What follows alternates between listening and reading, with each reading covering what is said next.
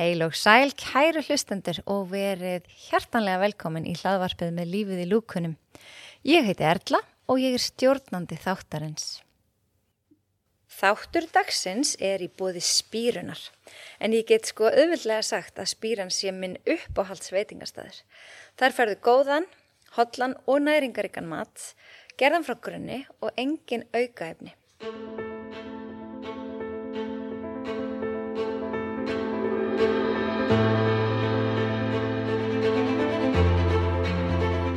Dag situr hjá mér engin annar en Bergsveinn Ólafsson, oftast kallaði Beggi Ólafs, sem er doktorsnimi í sálfræði með meiru. Verði hjertalega velkomin. Takk fyrir, ég man þú varst að byrja podcastið og, hérna, og, og sagði mig frá hugmyndinni sko, síðan er búin að vera þvílíkur, ég er búin að fylgjast með þvílíkur kraftur í því síðan þá, það er bara mikill heiður að vera mætturina fyrir fram, fram að það að tala. Æðislega, takk fyrir. Já, þetta, búið, þetta gerist hratt. Ég byrjaði hérna fyrsta ágúst, svo bara maður búin að drita út. Já, ég heldur þess hvart komum marga 20. Þetta er þessi nummer 26. Já, þá er þú bara komin yfir sko og það eru, ég held að þessu 90% podcastum sem uh, fara ekki í fjóra þætti Já, ok. og af þeim sem fara við fjóra þætti þá er bara hérna 90% af þeim að örlítil, nei, örlítil prósta, ég man ekki hvað var 20% eða eitthvað af þeim, þeir halda út, út 20 þætti sko Já, ok, vel gert ég. þannig að þú veist, aftur kemur reglega með consistency sko, Mhm, fara einmitt. stöðuleikin sko Já, já. Svo er ég með svona inn á milli svo kallega heilsumóla sem er svona örstutti þættir og það er bara eitthvað svona þegar mér dettur eitthvað í hug, eitthvað sem er að gerast, veist, ég hef verið með öndunaræfingu, ég hef verið með hugleðslu mm. og hérna einhver svona fróðleiksmóla og eitthvað svona. það er alltaf frábært bæði sko fyrir því að kenna það, en Mhm. það geggja fyrir fólk sem er að hlusta, að geta bara að hlusta í smá stund og tekið öndunarenguna eða hvað sem það er sko, þannig að ég er mjög hrifin af því ég, nákvæmlega. hlusta á, ég ætla að hlusta á eitthvað af því þegar ég kem heim núna á eftir Já, það er á alveg það. er klárt En mér langar svolítið að kynast þér betur og að margir vita hverju það ert en þeir sem er að hlusta og vita kannski bara ekkert. mm. Það væri kannski gaman að heyra þína sögu því ég heyrt að þú talar um að, að fólk eigi sér sína sögu. bara hversu langt vilt að þið farið Ég sko bara, bara hva, hvað Em. viltu byrja, hvar byrjaði allir sér áhuga á, á helsu og... Já, mín saga svona byrjar þannig að ég náttúrulega bara er alveg upp á, á heilbriði himli og hérna gefið mér allar þær gafir og alltaf tækifæri sem ég svona sem er kannski ekki allir fá en, en ég var svona rosalega þakklútu fyrir það að alast í góðri fjölskyldu. Á tvo bræður, þannig að það var alltaf slagsmál á, á heimilinu og greiði mamma það er hérna bara hálgert, hálgert stríð heima og pappi náttúrulega mikill írættamæður og bæði kennarar þannig að það var mikill lögð áhersla á íþróttir og, og hérna að menta sig. Mhm. en kannski ekki sko, mér á til dæmis ekki ítt í fótboltan um, ég kom sjálfur heim og var með einhverju vinnu mínum að horfa á fótboltaðing og ég sagði mér langar að prófa fótbolta. Já, og það er svolítið sem með mamma og pappa þau hafa einhvern veginn aldrei ítt manni út í neitt þegar ég hafa svona lagt upp svona tækifæri að sagt mér að skoða eitthvað. En síðan einhvern veginn hafa það alltaf látið mig standa og falla með því sem ég geri Mhm. og, og, og, og vitandi, ég vitandi það að þegar ég tek ákvörðuna að þau grípa mig alltaf því ég falla já, já. Mm -hmm. sem ég held að væri svakalega vel gert um um pappa, hvað sem var viljandi eða óviljandi af því að þá lærði ég svolítið að taka ábyrð á sjálfum mér og mínum mistökum eða mínum sigurum og þá var það mér að þakka en ekki þeim sko. og ég átta mig svona á því þegar ég er í fótballta þegar við erum að tala um söguna og ég tala alltaf um svona aha moment við erum öll einhver svona aha moment Mhm. og ef þú ert heppin þá áttu svona 2-3 stór aha moment og nokkur svona lítil sem þú bara það kviknar á einhverju peru og þú bara það breytist einhvern veginn síndin á lífið eða síndin sjálfa og þú fattar eitthvað sem þú vissir ekki áður já. og það gerir sem mér því ég var í bíli í fótballtæði vinnuflokku og voru að horfa á aðliði keppa og allt í enn ég bara horfa á einhverju vini mínu að spila og allt í enn eftir hálftíma leik kemur bara einhver rödd upp í hausinn bara, akkur þú að horfa á leikin akkur þú ekki að vellinum að spila? Og auðvitað svarið hefur verið bara, það er eitthvað að þjálfarnum það, er- er bara lítur að vera eitthvað á honum hann er ekki að spila mér og, en betra svarið var bara að fara heim, hlaupa heim í 2 km frá, 2-3 km frá og ná einhver lóð í, einhver jókalóð í, skúrnum frá mamma og pappa sem nótuðu sennilega aldrei en hérna, setja þau undir lapinar og bara fór út að hlaupa. Ég segi alltaf þetta sé heimskulegast en besta hugmynd sem ég æfinni fengi þannig að byrjaði bara, hann áttaði mig á því að þrátt fyrir að fá góðan stuðning og hvað félagslega stuðningur ótrúlega mikilvægur í lífinu Mm. að þá í enda dagsins þá er það svolítið undir þér komið Það verðum við með lífið í lúkunum. þá erum við með lífið í lúkunum þannig að þarna áttaði mig á svona kallast agency í sálfræðin að þú áttaði á því að þú veist þú getur haft áhrif á þig og umhverfið þitt og svona og inn í það blandast svona smá svona trú á einn getu. Að ef þú leggur inn vinnuna þá, þá myndu bæta þig og þú hefur trú að þú getur lagt í vinnuna. Og e, þar gala átt næst heimurinn minn sko. Allt inn í byrjaði maður að æfa áfylgja, æfið ekki smart. Mjög vittlust því ég byrjaði að taka matar, já. síðan árið seinna byrjaði að taka mataræði gegn. Mm. borðaði ekki holt, ég held allt með kjúklingu verið holt og ég var bara, svona fór í KFC og held að það verið holt. Já. þannig að það skipti ekki máli því að maður verður að byrja sem kjáni í Mhm. af því að sá sem er kjáni, þóra að vera kjáni til að byrja með, hann verður meistar einn daginn. Mhm. Og síðan bara var maður alltaf markmiðadrýn fyrst að langaði maður að komast í alið síðan langaði maður að vera að komast í mistraflokk og síðan langaði maður að vera fyrirlín mistraflokk og þegar ég var hann fyrirlín mistraflokk þá langaði mér í átverðum fótbolta. Mm. og þegar svo sín var komin og í öllum þessum leiðangri að þá var maður alltaf svo smala inn hægt og bítandi nýri í vitnesku Mhm. þú veist, ég var að tala um mataræði, tala um æfingar síðan var maður að tala um reco recovery um, með svefninu og alltaf síðan allir var komin í hugafar og sálfræðilega þáttinn og ég var einhvern veginn háðu því að ég fann að þegar ég lagði inn vinnuna að þá velunaði heimur mig og mér fannst bara svo indislegt að sjá að ég var að bæta mig í öllum svo þáttum og síðan leiði mér svo, vel Já. og svo einhvern veginn þegar fótboltin fór að dvína þá opnast heimurinn ennþá meira bara heyrðu hver er ég fyrir utan fótboltamæðurinn Becky og hvað skiptir máli í lífinu og allar þessu svona tilvista spurningar sem dinja stundum á okkur sem getur erfitt að díla við Mhm. en mikilvægt að svara þeim og þóra að svara þeim og þá fattaði ég svolítið svona byrju, ég gætt lagt á mig í fótbolta get ég ekki gert það bara með skólan jú, ég held ég geti gert það. Þannig ef ég legg inn vinnuna, ég æfi vel eins og læra vel og ég læri vel fyrir próf og ég skynsam með því að fara að sofa og allt þetta þá hlýtti, hljóti einhvern veginn að bætast. Já. prófa að gera það og þetta bara einhvern veginn að bætast. Ég held alltaf að ég veri heimskur. Veist, það var bara sagan sem ég var að fylgja. Ég get ekkert lært. En síðan bara eftir að það breytist, eftir ég fann hennan að bæti ekki fótbolta þá yfirferðast það á lærtófin síðan yfirferðast það bara hvernig getur verið besti möguleg í makinn, eða besti möguleg í vinurinn Já.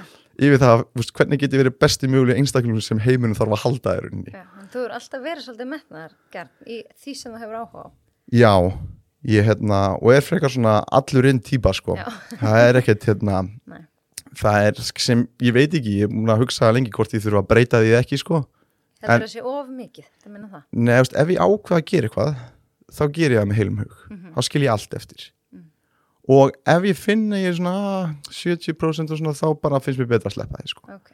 en síðan, síðan má alveg koma eins og margir hafa spurt mér sko, okkur spilar ekki fótboll lengur og ég bara, hæ, af því að ef ég myndi að fara í fótboll aftur, myndi ég bara taka frá skona og æfa mig í svona hálft ára og síðan myndi ég bara spila í efstildi fótboll eða eitthvað já, byrja, okkur leikur þau bara ekki og ég bara svona ég veit ekki hvað það er en þú veist, þetta er eitthvað sem ég kannski þarf vil laga, það er bara að leika mér í fótbolta Mhm.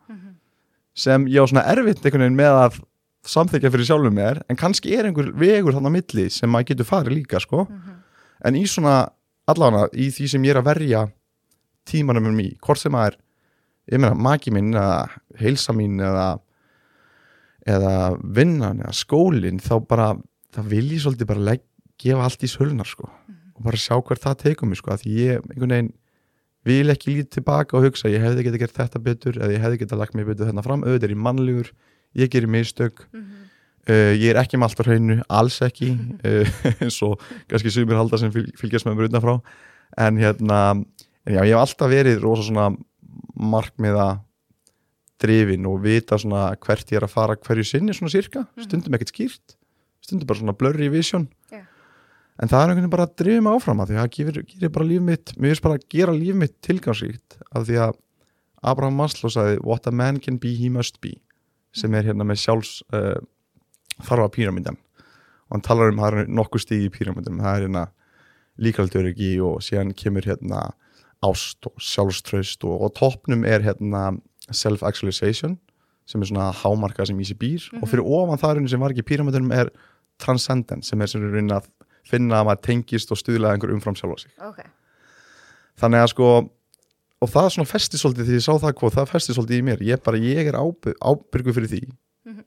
að hámarka í mér býr, að því þegar ég hámarka það sem í mér býr þá verður fólki betra í kringum mig Mhm. þá verður vonandi samfélagi betra og vonandi verður heimurinn bet, að betri stað þannig að það getur verið bölvun og blessun skal ég segja, að vera með þetta á en það er svona, er eitthvað sem ég ákvað ákvað að gera Ja.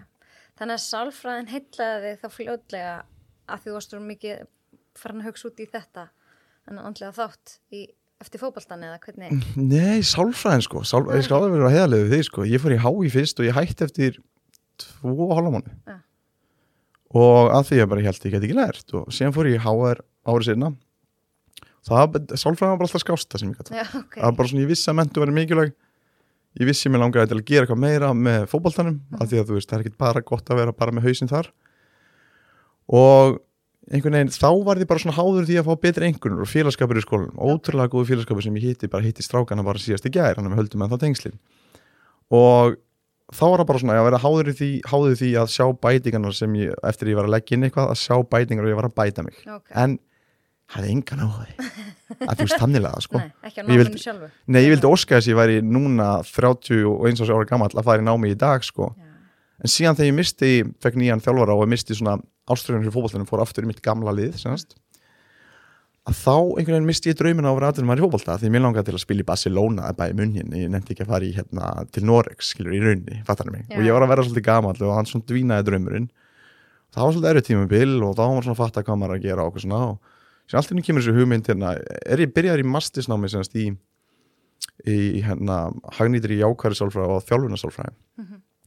þar, ég hafði áhuga á því en allt í hennu grípur mig spurning sá bara kaffúsi og allt í hennu grípur mig spurning bara hvað hérna ef ég bara finn út hvað enginn er gott líf og sem ég bara kenni ég vel að gera Mhm. á svona tveim vikum ætlaði að gera það sko þú veist, síðan var ég bara á, á, á þriðja tímanum á þriðja degi að lesandi þú veist, 20. vísindagrein og ég var bara á ok, þetta er ekki að fara að taka tvær vikur en ég held að það gæti orðið lífsverkefni mitt Mhm. síðan fær maður bara út og prófa þetta allt síðan bara að prófa prófa ímislegt, þú veist, maður er búin að vera mikið að fá einslinn til sín í coaching maður er búin að vera að halda marga fyrirlestra það er podcastið, það er tvær bækur það er allt í hennu hérna Spilið þína. spil í fína sem var í hérna í út í, í mjólin Ég ætlaði sko að taka það með og láta þig draga en ég Já. fann ég það ekki.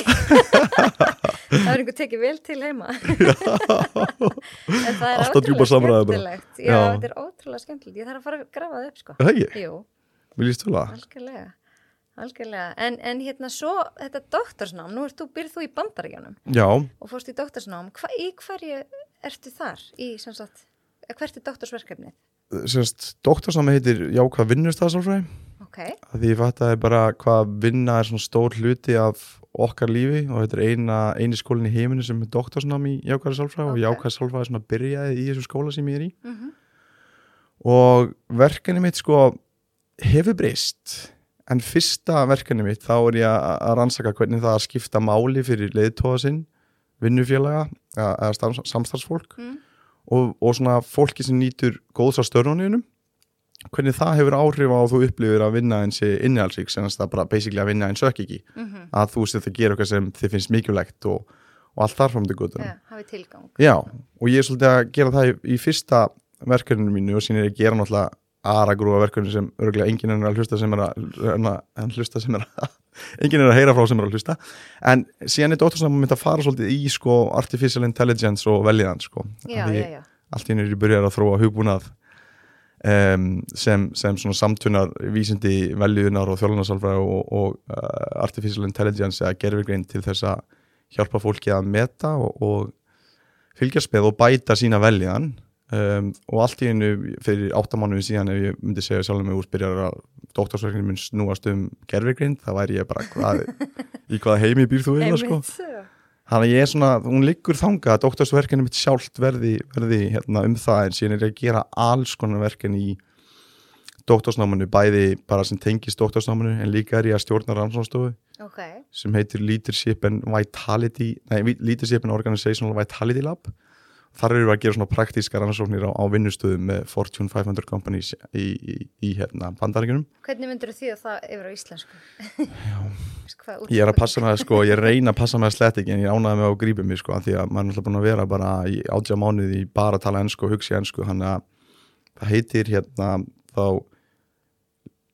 leiðtoga og fyrirtækja orku rannsónstofa Ok, sko, mhm. já, því vitality er basically bara svona orka Ok Mér finnst alltaf gott sko að því að við veistum alltaf margir hugsa á ennsku allt það mm en sumir tengja samt betur við íslensku en stundum eru bara Mhm. ekki til og sömu orð heldur Já, algjörlega, mér svo þegar maður er búin að vera að gúrvast, garfast svona mikið í þessu ennsku þá verður svona erfiðar að þegar maður er búin, líka búin að, vera, sko, að, að tala myndi á ennsku og hérna, læra myndi á ennsku að vera svona erfiðara svona, stundum að yfirfæra það yfir á íslenskuna Já. en ég vil auðvitað gera það Já. og hérna ég er svona, ég held ég sé að sletta minna og minna því fleiri daga sem ég ver, ver, ver á Íslandi Já. Hvað finnst þér svona fyrir utan námið? Hvað finnst þér síðast þessi þá 18 mánuðir hafa kentir, bara svona persónulega? Úff ansi, ansi mikið sko ég held að sko nei ég veit að þegar þú ferð út einn það er alls ekki auðvelt frá það verið auðvelt og þú færst svo sérstaklega þú ferð sko einn út það er annað kannski þú ferð með fjölskyldu eða ert á samastað einhver íslingar en þú ferð einn út og þekkir ekki neitt þá ert að fara, það verður erfitt sko. það er alveg gefið sko. og þú, af því að þú verð svo miklum tíma með sjálfuður sko. og aftur, hvað gerist þú verð miklum tíma með sjálfuður þá hefur svolítið tíma til að hugsa sko. Bara hvað er ég að gera og hver er ég og allt þetta sko. og ég hef lært ímislega, þú kynnist líka sko, það sem ég varst áhugavert, þú kynnist sjálfuður upp á nýtt í öðru umhverju Hvernig þá? af því að þú veist þú, allan fyrir mig ég bý á Íslandi og fólk verður ákveðnar hugmynd um mig og hvað ég verið að gera síðust ár og þú einhvern veginn svona bara þú veist, kannski hefur það áhrif á hvernig hefur það er og allt það fram til göttunum og þú svona ert ekki, sko, af því að við séum vennjust í því bara. Þú mættur í nýtt umhverju sem engi veit hvað það verðt engi veit hvað það gerir. Og fólk er bara þú veist, að spekla þig á nýjum vettvangi á hans að vita neitt um þig. Já. Það Þá- er. Já, og þá lærir þú svolítið um sko styrkleikana hennar. Kannski eitthvað um takmarkana hennar sem lærir bara rosalega mikið um sjálfa mig sjálfa sig að því eins og ég ég, þá, ég er bara að taka ákvarðanar hvernig minnst stegi fyrir mig sjálfan. Þannig ég læri svolítið, ekki það að ég hef verið meðvitaði fyrir, þá læri ég ennþá betur bara hvað finnst mér gaman að gera? Já. hvað, hvað finnst mér tilgámsýtt að gera? Hvernig lífi vil ég lifa? Hvernig vil ég setja upp daginn minn. Hvernig, hérna, hvernig fólki vil ég hanga með? Hvernig vini vil ég eiga? Þú veist, og þar fram að til göttum sko. þannig að mér fannst svona og kannski, sko, og þú vorst að tala um sögu á þessum áhvert að koma inn á, sko, að því að sagan sem maður fylgir, eða þú veist, það sem maður hver maður er, þetta identity. Flestir eru með identity, ég heiti þetta og ég er að gera þetta og þetta og þetta. Svona allt snýst um hvað maður er að gera. Akkurat. og það er svona tví ekki sverð, af því að þú veist auðvitað er við nakin á þess að vera með þetta identity, starfið okkar eða eitthvað svo leiðis, mm. sína það svo brotætt Já. af því að því ég fór út þá, ég var svo ótrúlega mikið, ég var alltaf að kútsa, ég var alltaf að tala ég var alltaf að halda með podcast. Ég var alltaf að finna fyrir því ég var á, á áhrif á fólk sem er fast indislegt og það dreif mér svo mikið áhrif og gerði vinnuna mínu svo rosalega innhalsríka síðan kom út allt í hennu núna, ég kom bara einhver helli ég er bara doktorsnimi, ég er að stjóla rannsóknastofu og þrógun hugbúnað ég er ekkert að fá þessi, þetta feedback aftur. Og þá var maður svo mikið pressa á sjálfum ég var allavega með pressa á sjálfum bara ég er þessi coach, ég er þessi public speaker ég er þessi podcastari. Og það var ennþá, það var svo erfitt fyrir mig að hafa þá pressu á mér ennþá þegar ég var úti því ég var ekki að gera mikið á því. Þannig ég ákvað að gera eins og maður gerir stundum þegar maður fyrir ekki sönum sinna ég ákvað að láta þann part sem ég deyja við mig úti. Já. ég tek smá coaching en þá heima og held að hyrirlista Já. en deyja við mig úti Já. Svo ég geti bara einbett mér á því sem mér finnst mikilvægast að einbetta mér á núna Akkurat. af því að sko, ég veit ekki alveg hvernig við að því þetta you can do anything but not everything Já. þannig að þú getur gert hvað sem, er, hvað sem er en ekki allt Ekki allt, það var svona, ég lærði það á svona erfiða mátan í rauninni. En vá, þetta er ótrúlega hérna, flott samt að því að þetta er alveg rétt. Við erum svo oft mikið starfið okkar eða við, við já, eða mamma eða þú veist, ég er eitthvað hlutverk. Mm en við erum náttúrulega ekki bara það. -hmm. Þannig að það er, þetta er svolítið hérna bara flott í raun og veru tækifæri fyrir mann að fá að fara bara svona aðeins þar sem maður er ekki sama maður var áður.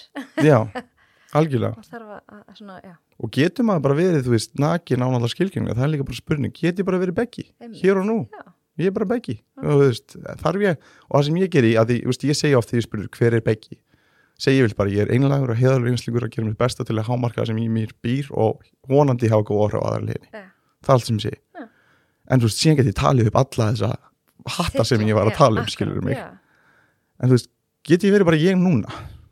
Þarf ég að vera eitthvað meira sem er óþægilegt kannski, því maður er bara nakin, skilur mig?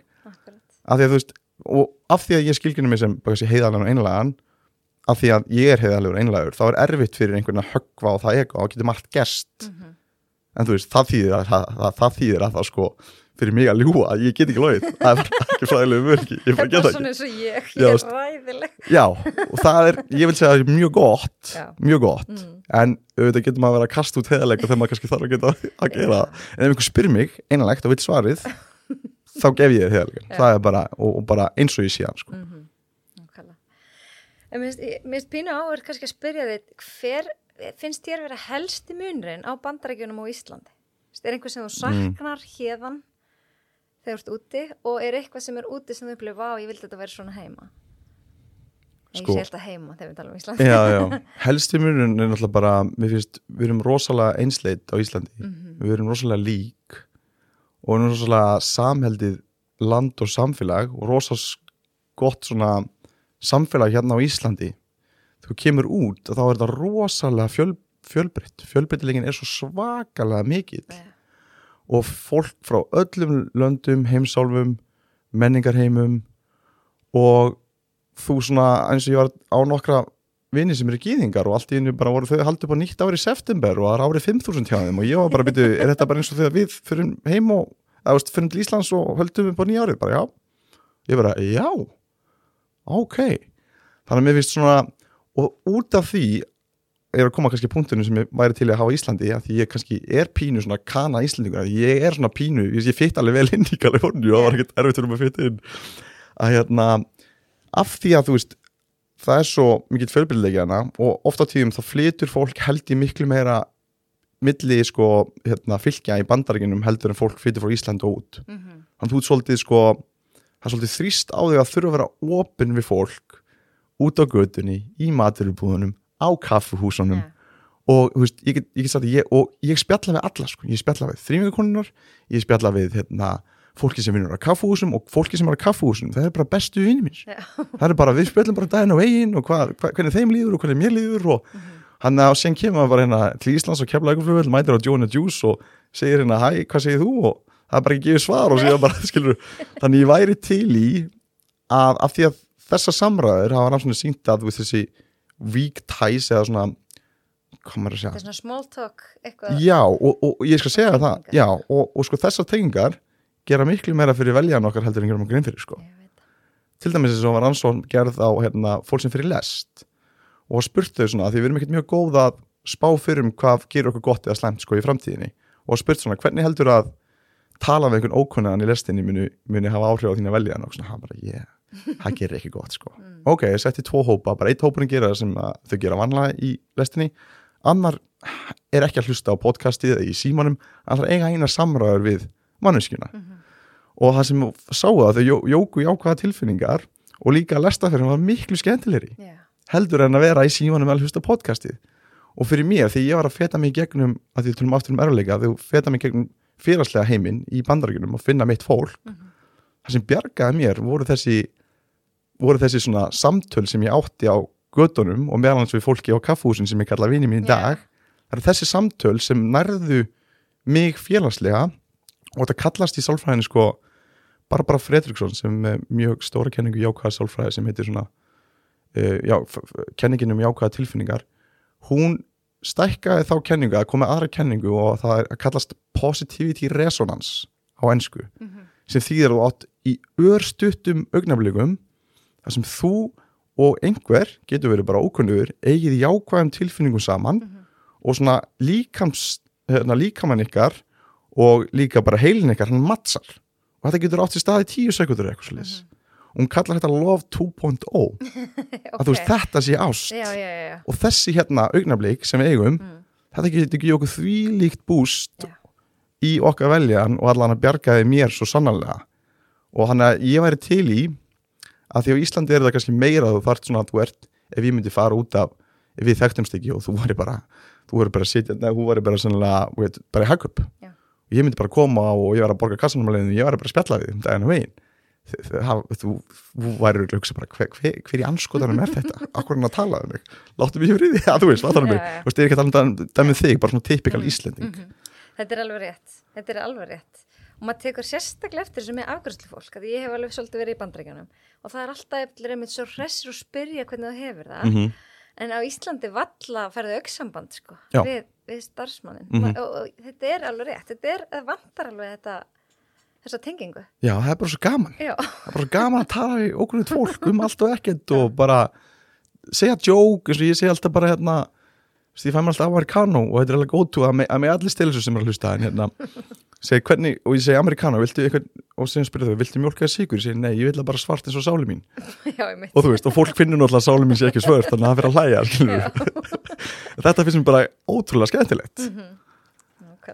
það að já og, og það sem náttúrulega við vitum að því þetta er heilsuvarpið og kannski svona bara þvert yfir sálfræðan þá vitum við að það mikilvægast að þinni veljan og jafnvel þinni heilsu að það er alltaf talað um þú veist, drekka nú á vatni, borða holt, sofa þú veist, allt þetta. Við vitum það að félagslegu tengslin gæði félagslegu tengslina eru bara jafnvel mikilvægast að þessum öllum sko. Sem er ógeðslega áhugavert því þú getur verið rosalega fókusur á ég er að borða holt og svo stemma og svona. Sínastu bara að, að van félagslegu hilsinu Akkurat. hvað gerist þá? Ég meina það var rannsókn sem síndi að þú veist skortur á félagslegum tengslum eigur líkunar að deyja frá öllum öllum mögulegum flutum sem getur dáið frá um 50% Spáði því jafnskæðald fyrir að reykja átján síkaratur á dag Já.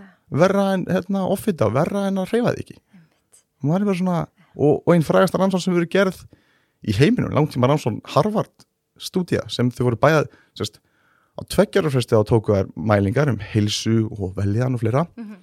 á fimmarafresti neða, á fimmarafresti tóku þau hérna held ég lækna hérna sáu við gögn í, um, um, um lækna heimsonir og alltaf og frá læknum. Og á sjöarafresti tóku við viðtölu fólkið og þetta var sérst þessi rannsókn hefur verið held ég um það bils síðan 19, nei, jú 1893 eða eitthvað minni mig. Vá, mjög lengi sko. Já. og 800 mann sem hafa verið í rannsókninu og þau komist rauninni bara að einu í þessu svona hvað væri mikilvægast og það er bara gæði þinna félagslíðu tengsla einmitt. hún var hérna um daginn í viðtali hún, Dóra Guðrún Guðmundsdóttir sem Já, er já. með jákvæði sálfræðina í, Mhm. í HÍ og hún var um þetta að segja frá í, í hérna COVID þá og ég held að, fr- nei, í hruninu þá jógst hamingja yngri kynslaðurinnar mm. af því að fóreldrar voru meira heima fóreldrar, þú veist, það fóru að vinna minna mm og það var þetta, hún var að segja þetta með félagslega tengsling, það mm verið ótrúlega mikilvægt, Mhm. ekki bara innan fjölskyldna heldur líka eins og þú ert að segja. Og í COVID hefur þetta líka þú veist, þá minkaði hamingja líka bara, þetta var bara svona rann, tilraun í raun og veru. Allir lokaðir inn í heimi og sér í einhvern langan tíma já, þetta er rosalegt. Algjörlega og kannski fengi geta fengið meiri skilabóð bara, þú veist, snertu, þú veist, og verðt knúsaði þá sem hérna e, fjölskyldumælum og knúsaði fólki sem ert með eða þú veist, sem ert í sem er búbli og allt það svona, því það er svo mikilvægt fyrir ónumiskerfir og fleira, sko, þannig að það hefði vilja kannski sjá aðeins meira um það líka. En hvað er heilsa fyrir þér? ég spyr alla að þessu. Ég mm. veit að þetta er stór spurning en bara svona hvað er að fyrsta sem þetta eftir í hug? Þú heyrir hvað er heilsa fyrir þér?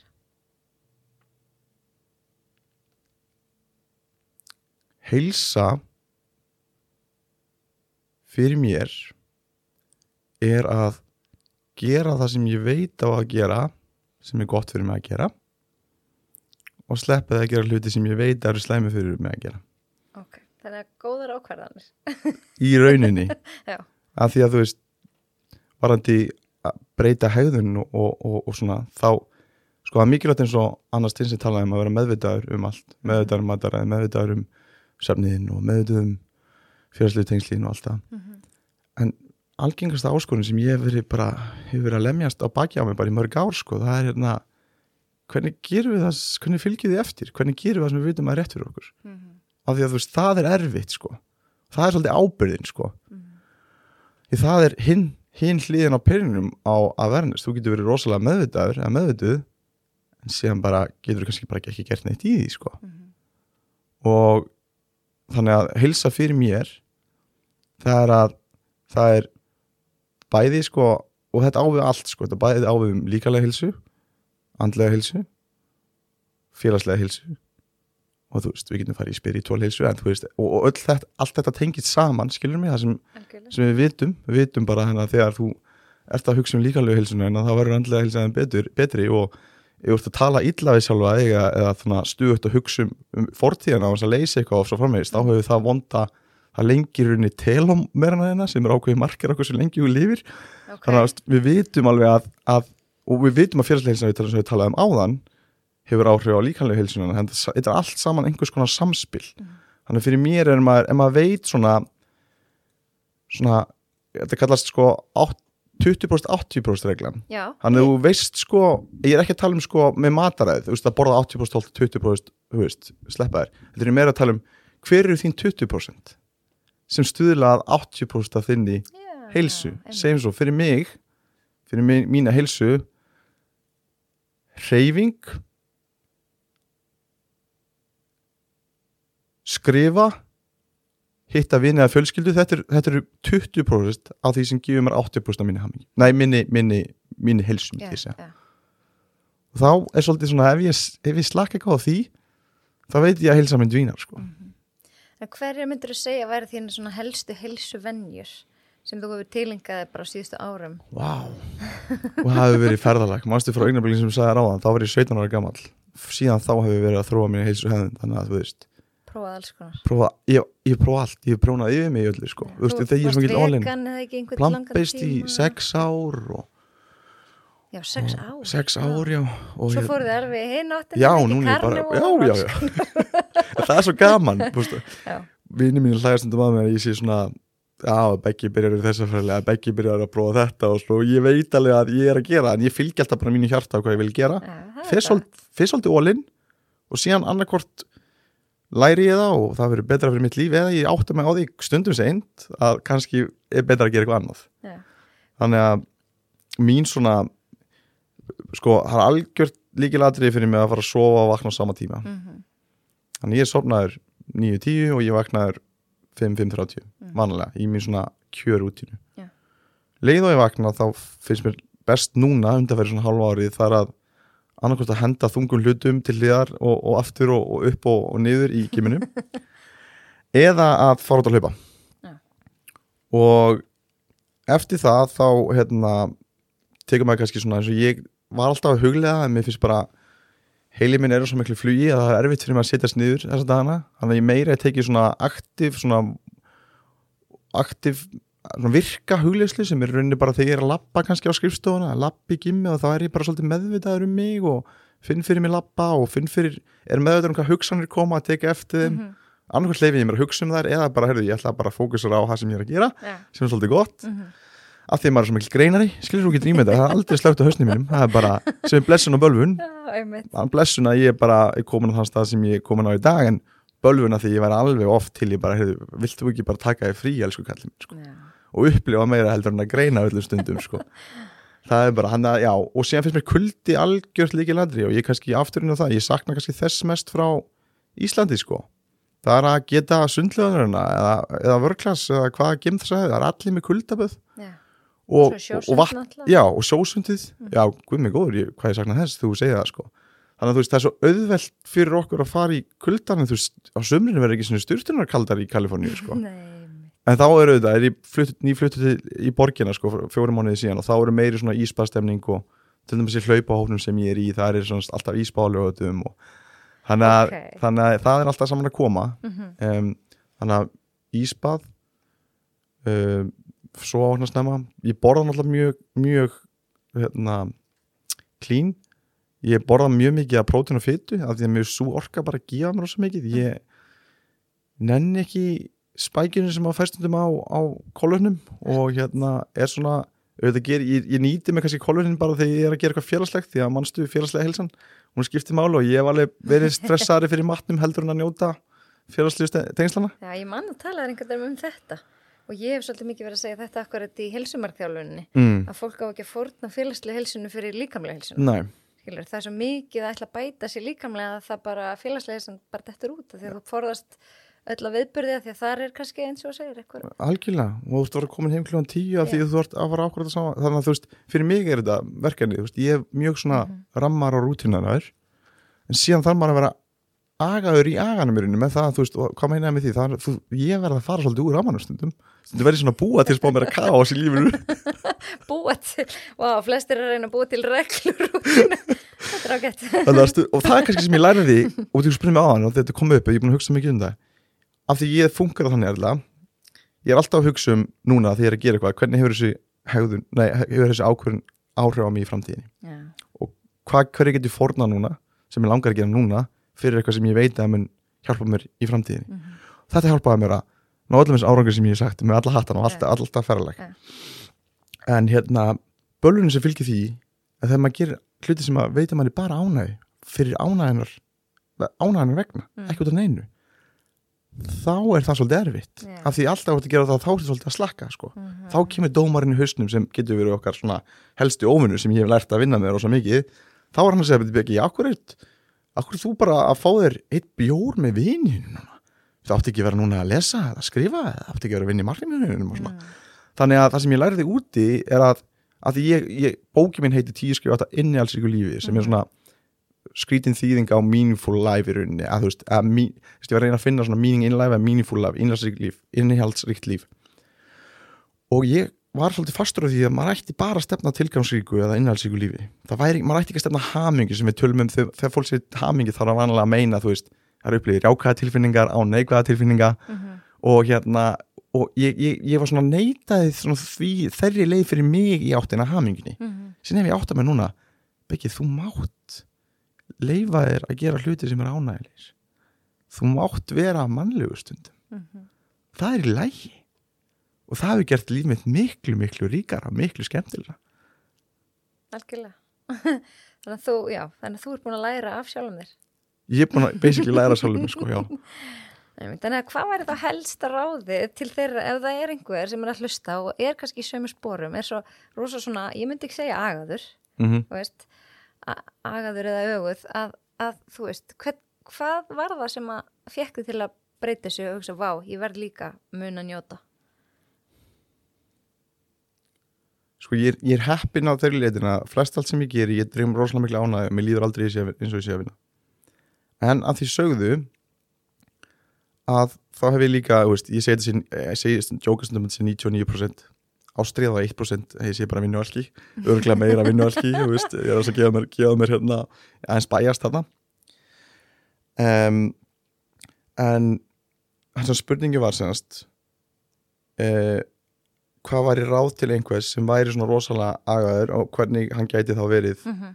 upplifa meiri ánægi fyrir mér er þetta bara l- lífið snýst um að upplifa allt sem lífið hefur að bjóða sko. og við erum bara svolítið mannleg skilur mig þannig að, að einhvern veginn að átta sig á því hvað gefur manni ánægi af því að þú veist því ég sé ánægi þá er ekki bara að tala um pleasure ég er ekki bara að tala um mat, ég er ekki bara að tala um að horfa á bíómyndir stundum að sem gefur mér ánægi er ekkit alltaf það er ekkit það skilur að það- þrátt fyrir að stundum fá ég mér alltaf borða og fá mér eitt rauðinsglæs eða hvað það er.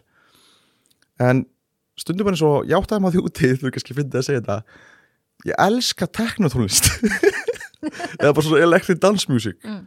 og ég svona viss alltaf að því en samt svona áttaði mig fullkomlega úti þannig að ég satt heima á mér á lögataskvöldi og hérna klumar átta og ég hugsaði með Beggi, ertu að fara að gera það sama núna, þú veist 300. kvöldi í röð, þú ert að fara að lesa tvær vísindagreinar, þú ert að fara að lesa bók og síðan ertu að fara að sofa klukkan 10 svo getur vakna klukkan 5.30 til að fara rektina Groundhog Day. já, síðan googlaði ég símanum concerts near me eru, eru tónleikar nála mér Já.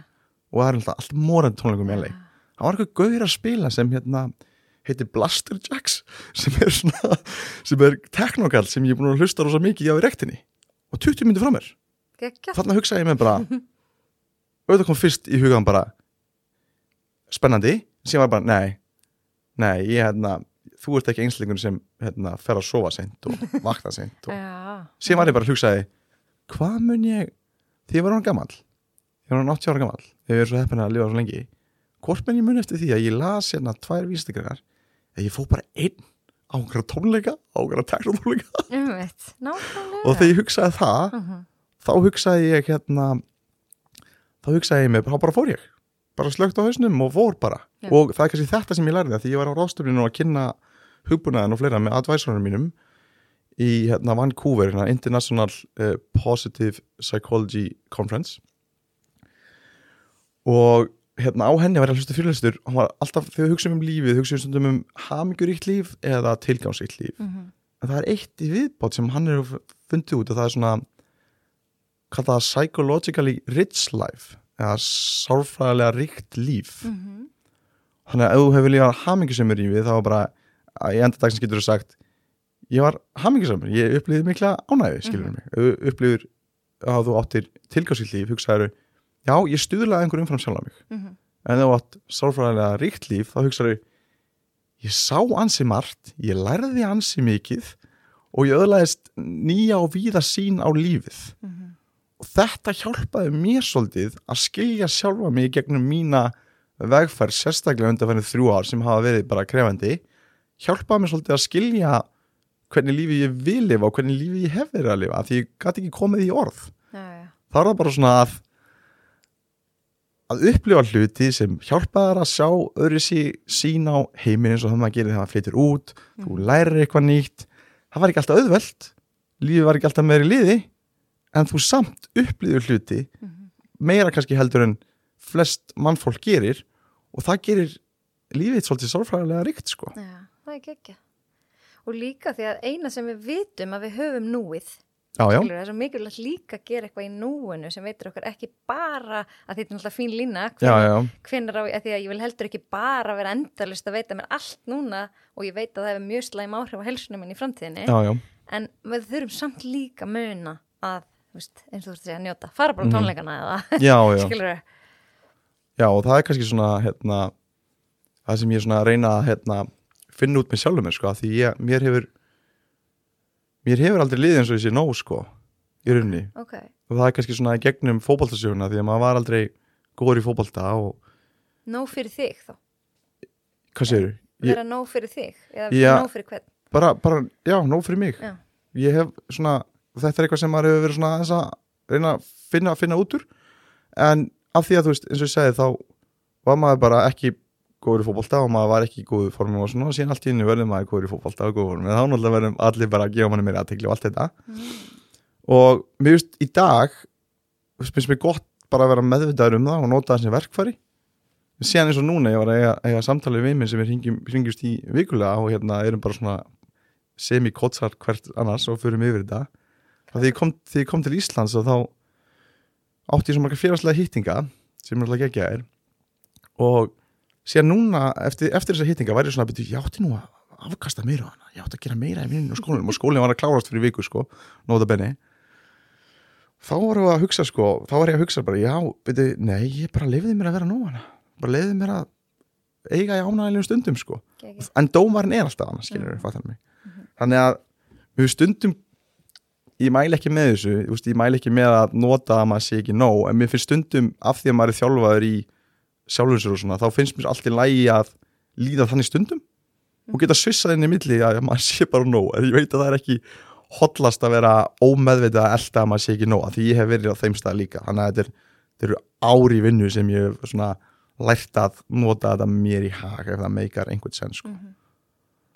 Gekki. það er líka bara svo flott að því að þú ert virkilega einlegur, þú segist Mm. verið og þú ert það mm. að það er ekkit allir sem að bæði, fyrst alveg fatta þær kannski ekki þetta Mhm. með sjálfan sig, en líka bara þú ert að segja þetta upp átt og þá áttar maður sig á því og þá getur maður veist, orðið betri og meira nóg fyrir sjálfan sig En Já.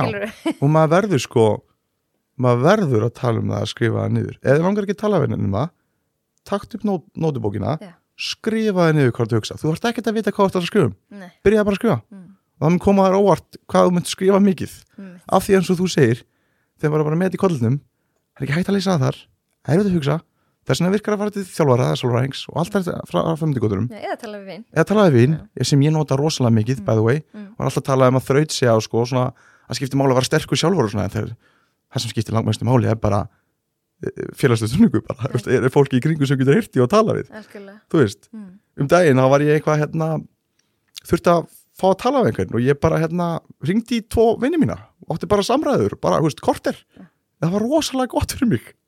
Það var rosalega gott fyrir mig. Er ekki þannig að þú veist eins og þú varst að orða þetta sko það er hérna þú verður að þóra að tala um það sem þú ert hrættur við að viðkynna fyrir sjálfa þig eða segja við aðra mm hvort sem þú finnir eitthvað sem þú treystir og vinnin verður að vera tilbúin til að hlusta því sko. Já. að því er ekki að þú ert að tala við vinnin og hafa út að segja hann frá einhverju og og, hún segir hérna, já, hérna, já, frænka mín hérna, Sigga, hún lendi í þessu sko, þetta var miklu verið en það, það veist, hún lendi miklu verið heldur en þú sko og einu sinni var ég líka, ég lendi í einhver sambarlegu sko það er bara, Einmitt. þú veist, þú þarft að fá einhvern vinn, eins og þú ert að gera við mig núna bara hlusta einlega á mig og ég veit að því að ég er að tala við þig þú ert ekki að fara að grípa fram í af því þú ert vel þjálfur við markþjálfunni og ég get tala eins mikið og ég veit og hvað gerist því ég tala eins mikið og ég get þá bara kemur allt úr út. hausnum á mér öll vittlisann í hausnum á mér kemur út Ég segi vitneski ekki villisa ég segi vittlisa.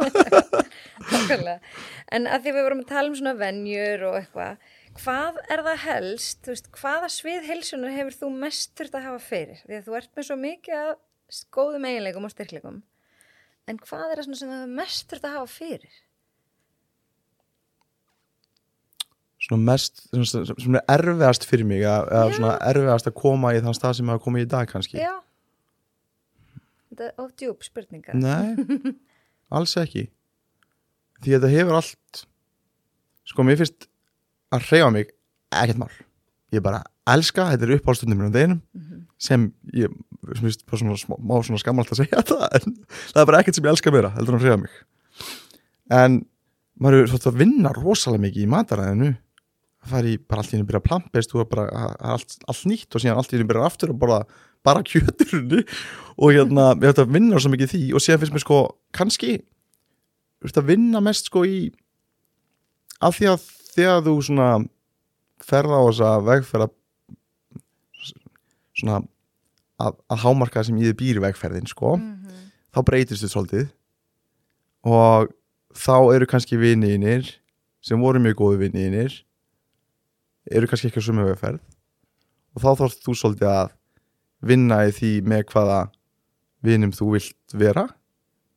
Og það getur verið erfitt að svona sikta út einhverja vini sem hafa alltaf verið vinum hans og er ekki, ekki vinum hans í dag og en það er ekkert svona sem kemur í hugan sem ég sko hef þurft að vinna hvað mest í en ég hef þurft að vinna rosalega mikið í þessu öllu saman Ok.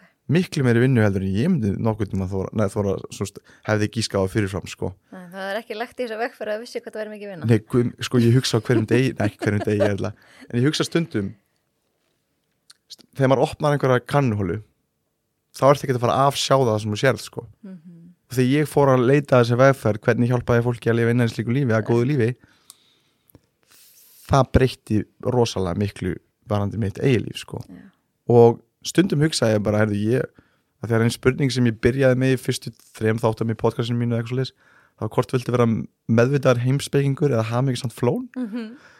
og stundum hugsaði ég bara og ég get náttúrulega stundum svissað á milli þess að tvekja pólaðurunni stundum hugsaði ég bara, ég væri stundum bara væri ekki bara til, og sérstaklega það líf mitt verið erfitt, þá hugsaði ég bara, ég væri bara til að vera hafmyggsand flón, Mhm. síðan þegar ég svaraði spurningu, væri til í að vera bara lífa venjulegu lífi innan gæsalappa skiluru og ég kemst alltaf að því til fjandast með venjulega líf, mér langar að lífa lífinu sem ég vil já. Já. en það er ótrúlega erfitt en ævintýri og sálfræðilega ríkt Já, og gefandi. og gefandi, Já. algjörlega En hver var uppáhald spurningin sem þú spurðir? Þú, þú varst með rosal flott hlaðvarp og sem, er það ekki bara í hlje? jú, jú, jú, Þú varst alveg með yfir 100 þætti. já, já með einhverja 120 í 24 og síðan var ég með náttúrulega ég man ekki 50 eða eitthvað í milliveginum árin ég byrjaði því Upp- En hérna í 24.7, hvað var svona uppáhald spurningin að spyrja? Því ég ætlaði nefnilega að láta þig svara þeirra spurningu. Já, sko uppáhaldsspurningi mín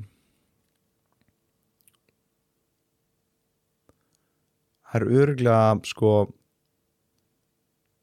hvað helstu einu sinna að væri satt sem þú telur að sé ekki satt í dag og hefur skipt basically skoðun á. Og hverju myndið þú svara í dag? það er erfiðar að vera þarna megin. auðvitað, en sko ég kem að hinni spurningu sem var óþægilegt og en samt skemmtilegt að fá svar við en hérna ég held einu sinni að það væri satt að maður myndi bara vera með einni manneski á lífið. Mm. og það var kannski ástæðan okkur það var erfitt fyrir mig að átta mig á því á erfiða mátan að það yrði ekki að raunveruleika.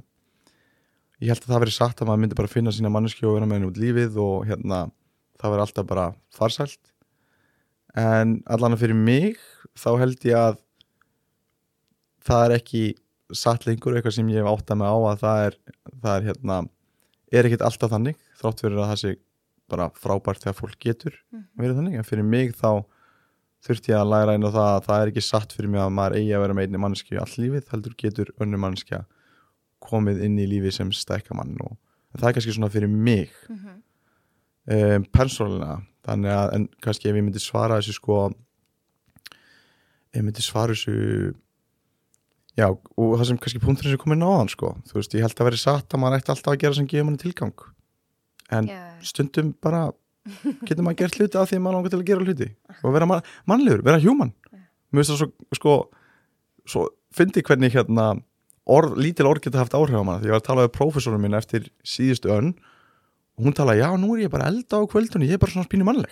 Og ég bara, já þetta er orðið sem ég er bara að leitast eftir ég má vera mannlegur stundum einmitt Hvað er maður ef maður er ekki mannlegur? nákvæmlega mér finnst það svona, ekki, ég ætla ekki að segja afsökun en þegar ég segi svona, já, ég ætla bara að vera mannlegur Já. þá er bara svona mér finnst það svona gott til að gefa mér lífi til að gera með mannlega hluti það var samlegt. Æ, hérna, ég fekk, ég, ég var beðin að spyrja þig, hver er besta vinkona þín? Hver er besta vinkona mín? Nei, ég segja, þetta er erfið spurning, eða ekki? Þetta er aðeins spurning, sko hver er besta vinkona mín? sko já ég, sko ég elska, ég elska konur ég elska orkunum sem ég fara konum og mig, ég bara og ástin sem ég fengi frá mömmu er bara, ég get ekki sett það í lýsingun og ég bara, það er eitthvað við konur sem ég bara dyrka og dái. Ég hef ekki alveg snert butanum að það er bara, það, það gefur mér svona pínu öryggi og hlýju og maður finnir fyrir væntum þykju og, og, og allt þetta og ég er svona og þetta er svona á ég marga vinkonur sko. Og þess vegna elska ég mömmu mínu svona mikið og, og, ég veit hvað, og því að mamma hefur gefið mér svo mikla ást og allt það. Og maður á rosalega margar vinkonur en ef ég ætti að setja bestu vinkonum mína þá verð ég að nefna Mari Jersk held ég. Af því að einhvern veginn, af því ég held hún væri óþólandi í fyrsta skipti, ekki fyrsta skipti ég held ekki hún var óþóli, ég hefði gaman að henni. En hugsaði, ef ég fyrir að vera með henni meira en tvo tíma, þá er ég ekki þú veist, þá bara, þú veist, ég gæti ekki verið með henni lengur en tvo tíma, sem gist ég á sama stað og hún einhvern tón, og hún sérst laupa hópurinn einhvern stað á hérna, stíkisól með eitthvað. Ég hugsaði, beti, ha, ég fekk ekki nú að Mari og sem var það ekki fyrir en að maður endi svona í, lendi, en að maður fór í gegnum hérna, hérna sambandslít og þá einhvern veginn magnaðist okkar vinátt upp og Já, fólk var að fara að halda því ég væri par. já, já, ekki? blessu verður bara spurningar sem maður sjálfur fekk og söguna sem er einnig í bæ. Nei, við erum bara ótrúlega góðir vinnir og ég, ég held að allir ætti að hafa eina Mari í lífinu snu, ég væri ekki til að hafa tvær. Ekki til að hafa tvær en ég held að allir ættu að hafa eina af því hún er manneskan sem lífgar upp alla staði sem hún er á Mhm. og er bara ótrúlega fyndin getur líka tekið djúb samtöl ekki alltaf bara grín og, og svona en hérna en hún bara gerir líf mitt miklu meira ríkara og við einhvern veginn, að myndaðist einhver vináttar sem ég bjóst enga veginn við að myndi gerast sko. en ég á marga góða vinkonur en ég myndi svona setja Mari kannski eftir, en hver spurði?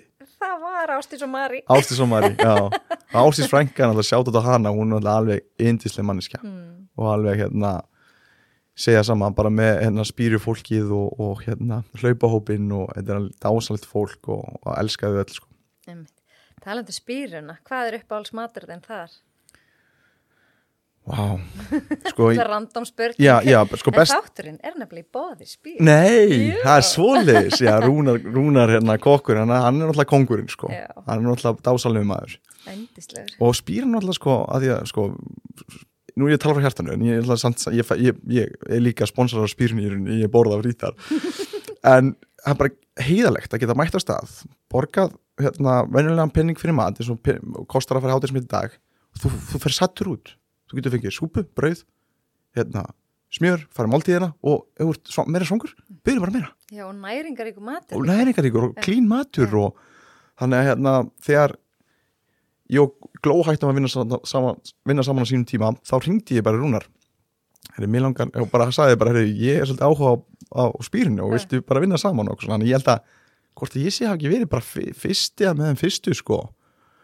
Uh, á, á hérna á spýrinu, en, en, en hvað sko, var, í dag var kalkun með svona jóla hérna, blöndu með alls konar eplasalati og fyllingu og sósu og þetta, ég var ekki, ég sagði þetta á Rúnar á hann, ég sagði ég var til að hafa þennan mat á aðfokadag það var ekkert eðlilega góður. Ok, en þú veist kannski bara þegar það er naut, nautakjöti á já. það er held ég, ef það var einhver er að prófa spýruna þá veistu alltaf getur ekki gott nautakjöt með bernes og góðu meðlæti á Nákvæmlega, ég hérna, er búin að fara nokkur sinnum síðan þeir flutt á nýja staðin já, já, og það er alltaf röð út úr dyrum. Það skiptir eiginlega lengur máli hvaða tími hef komið. Það er svo magnað. Já, hún, og eitt föstudaginn þarna, það bara, það var lengst inn í búð. Já, já, hún byrjaði 10.30 og endar ekki fyrir sko 2.30 í rauninni, sko. þannig að það er bara, það er allir hana og ef einhver sem er að hlusta hefur ekki farið á spýruna bara prófa, þetta er svo geggjaði matur, ég hef bara- aldrei fengið neitt vandan, aldrei, Nei, bara mjög heiðalegur og, og, og, frábært fólk líka, þú veist, mér finnst alltaf skipta máli sem tala um bandarækjunum, hvernig þjónuslindunum svona, mér bara finnur góða orku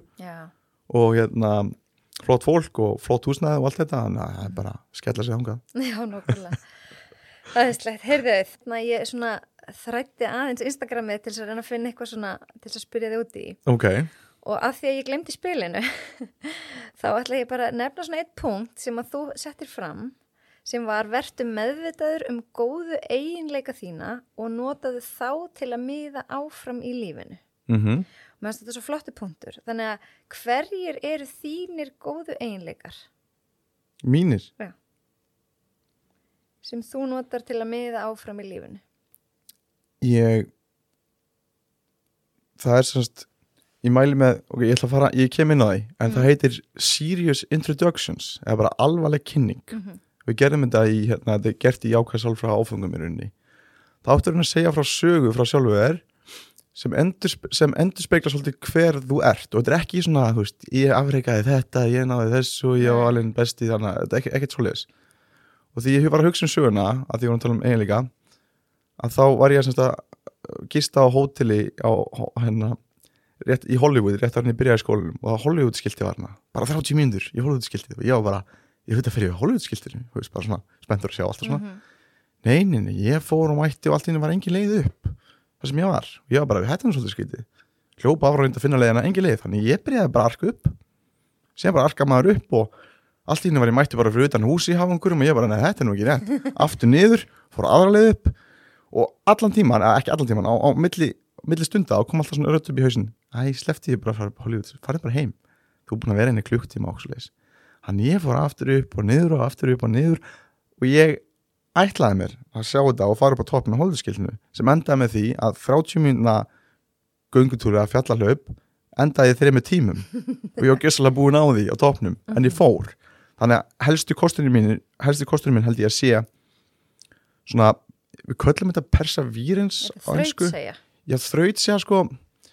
Mér finnst svona skilgingin mín og þraut segja er hvernig þú kemur tilbaka eftir að einhverju erfiðleika dinja á þig. Ok. hversu fljótur eftir til að bounce, bouncing back? Meira kannski að gefast ekki upp. já, gefast ekki upp. Ég veit ekki, sko segla kannski ég, ég, ég og Anna hefum kannski mismöndi merkingu í orðinum hann getur verið segla, Já. finnst mér allan svona, að hérna, ég held alltaf áfram. Og það sem ég geri þá, þráttur að koma erfiðleika á leiðin og hindranir, þá, þá klára ég vilt það sem ég geri, Mhm. það er góðu kostuð mig. Ég er heiðalur eins og við sögum maður, nú farið alltaf mig. Ég er trúr sjálfur mér. Ég, ég, ég segi bara hluti sem ég tel að þessu sannir og ég er ekki að með hatt á því ég mæti ég, þú færð bara mig. Ég er orku mikill semst, ég heitir sest á ennsku það er svona, bara svona lífsorka. Ég er bara rosa mikla orku fyrir lífinu og bara svona rosa veist ánaði með lífi og ég er bara mikla orku fyrir hlutum. Mér finnst það mikill styrkleiki. Síðan er ég náttúrulega bara leiðtöi ég er mikið leiðtöi hef alltaf verið. Var, var fyrirlegin í fótboltanum nánast gennum allar með fyrir Mhm. Og núna er maður allt í unni bara leið einhvern hérna, CEO á einhverju startupi og, leið einhverju rannsóknarstofu og, og valið besti nefandi í skólum og svona, ég hef alltaf verið lítir finnst það gott. Um, síðan eru, ég myndi ég segja að ég hef hafa ákveðna lærdomstró ég er svolítið forvitin. Þannig að veist, mér finnst oft skemmt, skemmtilega en ekki að hlusta á fólk og spyrja. Mhm. og stundu því ég finna að ég er búin að tala mikið þá einhvern veginn líðum við þannig að ég vil fara að snúa þig við sko. Af því að þú veist, Já. ég get lært svo mikið af þér og, og hérna, ég er svo fórhundin um hvað annað fólk er að gera og svo frammeðis þess vegna þegar ég fæ báði, bóða eins og í podcast þar sem ég fæ bara að tala endalist þá mæti ég. Þannig að það eru alls konar alls konar eiginleikar, síðan held ég bara þú veist, ég, ég mér finnst kannski svona, ef við fyrir bara í djúpa trú þá bara, ég veit að það er slæmt til í heiminum og slæmt til í öðru fólki og ég meðvitaður um það en ég kýsa að líta á það góða kýsa, kýsa frekar en að það ég er að pæla hvað er manneskir að reyna að fá frá mér eða hvað er að manneskinni sem ég er að kynnast eða tala við eitthvað þá, þá sé ég alltaf styrklíkana ég sé alltaf bara, ok, já ég fljótur að grípa þennan styrklíka, þú ert rosalega forvitin eða þú skynst, þú ert örugglega með mjög mikla samkjönd eða, eða hérna þú ert rosalega góð að vinna í hóp. Já, þú ert bara út að, frábara aðlögunarfærni, þannig að ég svona ég tek svo fljótt eftir því og það eru vill ég meina mikill kostur af því að ég er bara múin að átta á því. Ég vil lifa lífinu þannig að því ef maður lifir lífinu og ég vil bara hafa það af því ég trúi að ég hafi það hugreikja að ég geti mætt því þegar eitthvað kemur í, baki á mér. Frekar en að því ég hef alveg verið á þeim stað á svona mjög stutt í lífinu mínu að þá ég verið að líta á neikvæðilegana við, við einhverja manneski í lífinu mínu og mér fannst það bara ekki gera mér nér þeirri manneski gott. Akkurat. þannig já, Mhm. ég held að það sé svona og kannski líka sko nú er lí, líður mér eins og ég sé bara mest í narsisista á landun, nei ég segi svona að því að tella um svo marga góða eðlinga, ég get líka að tala um mína takmarkanir, og náttúröld í okkur núna nú fer ég að tala um það sem er neikvætt um Já, sko.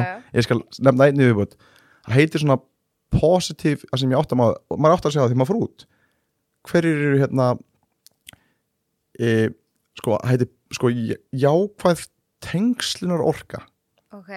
þannig að sko fólk sem ég hitti hvað sem er á fundum með leiðböndum mínum eða fundum með strákonum í hugbúnaðunum eða ég er að tala um manneskjöld og göttun sem ég sagði þá þannig að við erum að tala í podcasti eða þú veist þegar þú talar um einhver svo mannesku og þið líður eins og þú hefur fengið aukna orku eins og talaði við hana Mhm. þú bara, wow, byrju, það er náttúrulega bara búst í dæmi að hafa átt þess að samtala og þetta getur fyrir að fundið eitthvað leis og, og ég held að þetta sé súpukraftur sem ég hef að yfirleitt þegar ég er í samskiptu á annað fólk af því ég svona hugsa svo vel um sjálfa mig og, og af því ég set mig í forgang að þá geti gefið öðrum Akkurat. þá einhvern veginn, mér finnst það svo góður orkur að þannig að fólk fær orku að eiga vanana í samskiptu við mig og langar stundum bara að hlaupa í gegnum veggi í rauninni sko. og það er búin að rannsaka þetta á vinnumörkunum og fleira og þetta er rosalega mikilvægt upp á bara framistuði í vinnu og fleira að séu margir svona einstaklingar á vinnustannum og ég vil meina að margir svona í lífinu þínu af því að því ég segi þetta bara við núna þið dettu pótt einhver engslikur hug og þeir sem eru að hlusta því að pótt einhver sem þú tala við og þið líður bara eins og þú veist, þú bara það, þú er eins og hefur bara, einhver hefur gefið bara eitthvað orku skot Já. og það besta við þessa orku að hún get, þú, þú þarft ekki eins og þú rýfur í lóðina, hleypir marathon þá, þá, þá, þá ertu bara að klára líkanlega orkunni hérna þú gengur gennum eitthvað tilfinningarlegt er þá er þetta að hlaða aftur þarf ekki að hlaða aftur hér. Ef þú ert bara að fá orku frá jákvæða fólki þá, þá heldur það bara áfram, áfram, áfram. Þess vegna er ég svo erla, að það er ég er rosalega snöggur að filtera út sko, fólk sem ég fæ þessa orku frá og fólkinu sem ég fæ neikvæða orkuna frá. Ég sæki fólki sem ég fæ jákvæða orkuna frá. Mm. og já, þetta hefur gert mér rosa ef, ef, ef þú ert með þennan eiginleika hann er rosalega mikilvægur upp á bara þig sjálfan og ef þú vilt ná meiri ánangri í vinnunni til dæmis eða í skólanum og svona frammeðis ef þú ert bara og hvernig, ert, hvernig smitar svona jákvæður orku já, þú ert 100% eh, til staðar á, á þessu stund sem þú ert í nú þú ert ekki að kíkja í síman, þú ert ekki í tölvinni þú ert að gefa 100% aðtikli Já. þú ert forvitin, þannig að þú spyrð spurninga og hlustar, þú virkilega hlustar Mhm. og sér ertu pínu bara svona mannlegur, þú er pínu vulnerable þú er pínu svona bara ríl Já. og heiðalgur Mm.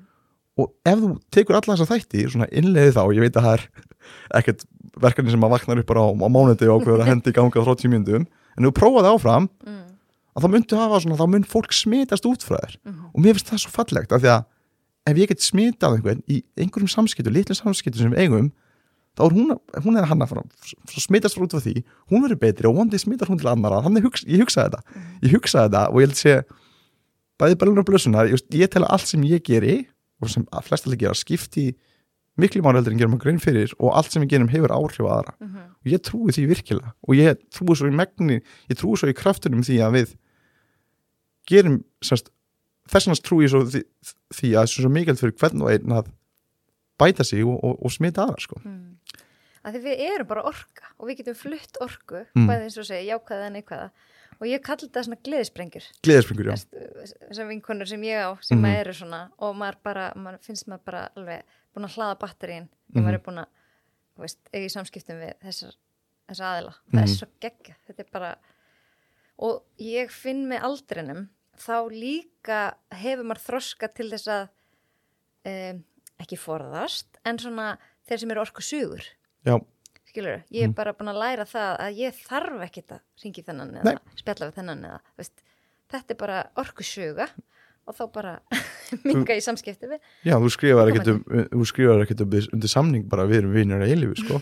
Það var hægt annarkvort að minka það eða þú veist, já, gefa manneskinni feedback eða hún er svoleiðis og þú veist, bara heyrðu þú fyrir ekki, ég bara, ég er alltaf búin á því því ég tala við þig, sko, eða þú veist, ekki kannski orðað þannig en þú veist veist, mér finnst benda kannski einhverja hegðun og segja, mér finnst þetta svolítið svona neikvægt skilurum og þá, ég meina besta sem gerist þá er að einslingunum bætir hegðunina eða bara lokar að er þetta hvort, hvort er komið sömu úkomu, sko.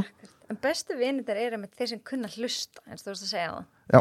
gefa þér færa og tjá þig og bara hlusta og koma ekkit endilega með dæmisögu tilbaka. Já, og hlusta sko listen to understand já, hlusta til að skilja en ekki til að svara. Já, þannig að þú veist, þegar ég er að hlusta á einhvern, þá er ég ekki að hugsa um herði, ég ætla að koma minni, mínum punktin inn og ég ætla að spyrja þessa spurning, ég er bara virkilega að hlusta. Hvernig kemur þögt svo ég geti komið já, að? já, já, hann er bara svona bara virkilega að hlusta sko.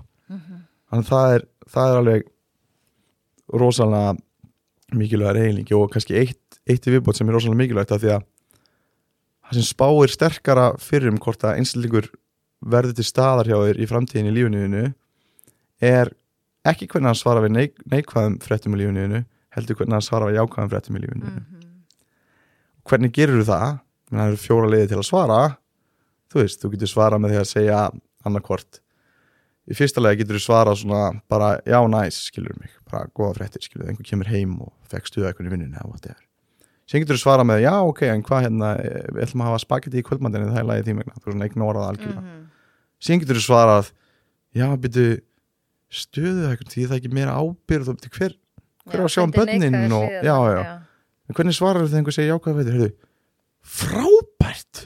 Veitu, hvernig, hvernig fórst það þessu? Hvernig leiðir þú fekk stuðaðikunina? Hvað ertu spenntust fyrir eða stressuðust fyrir eða þú veist, þú svona sýnir einlegan áhuga Mhm. og við vitum þetta út frá rannsóknunum þetta bæti bæðir bæ- gæði tengslana sem við hafið og þetta líka eigur jákvæða tilfinningarna sem einsleikurinn semst var að segja frá því að við upplýðum jákvæða tilfinningar sem jákvæða fréttir en það eigur þær hjá einsleikum þegar við svörum með jákvæða augum. Mhm. og það er víst nokkuð algengt.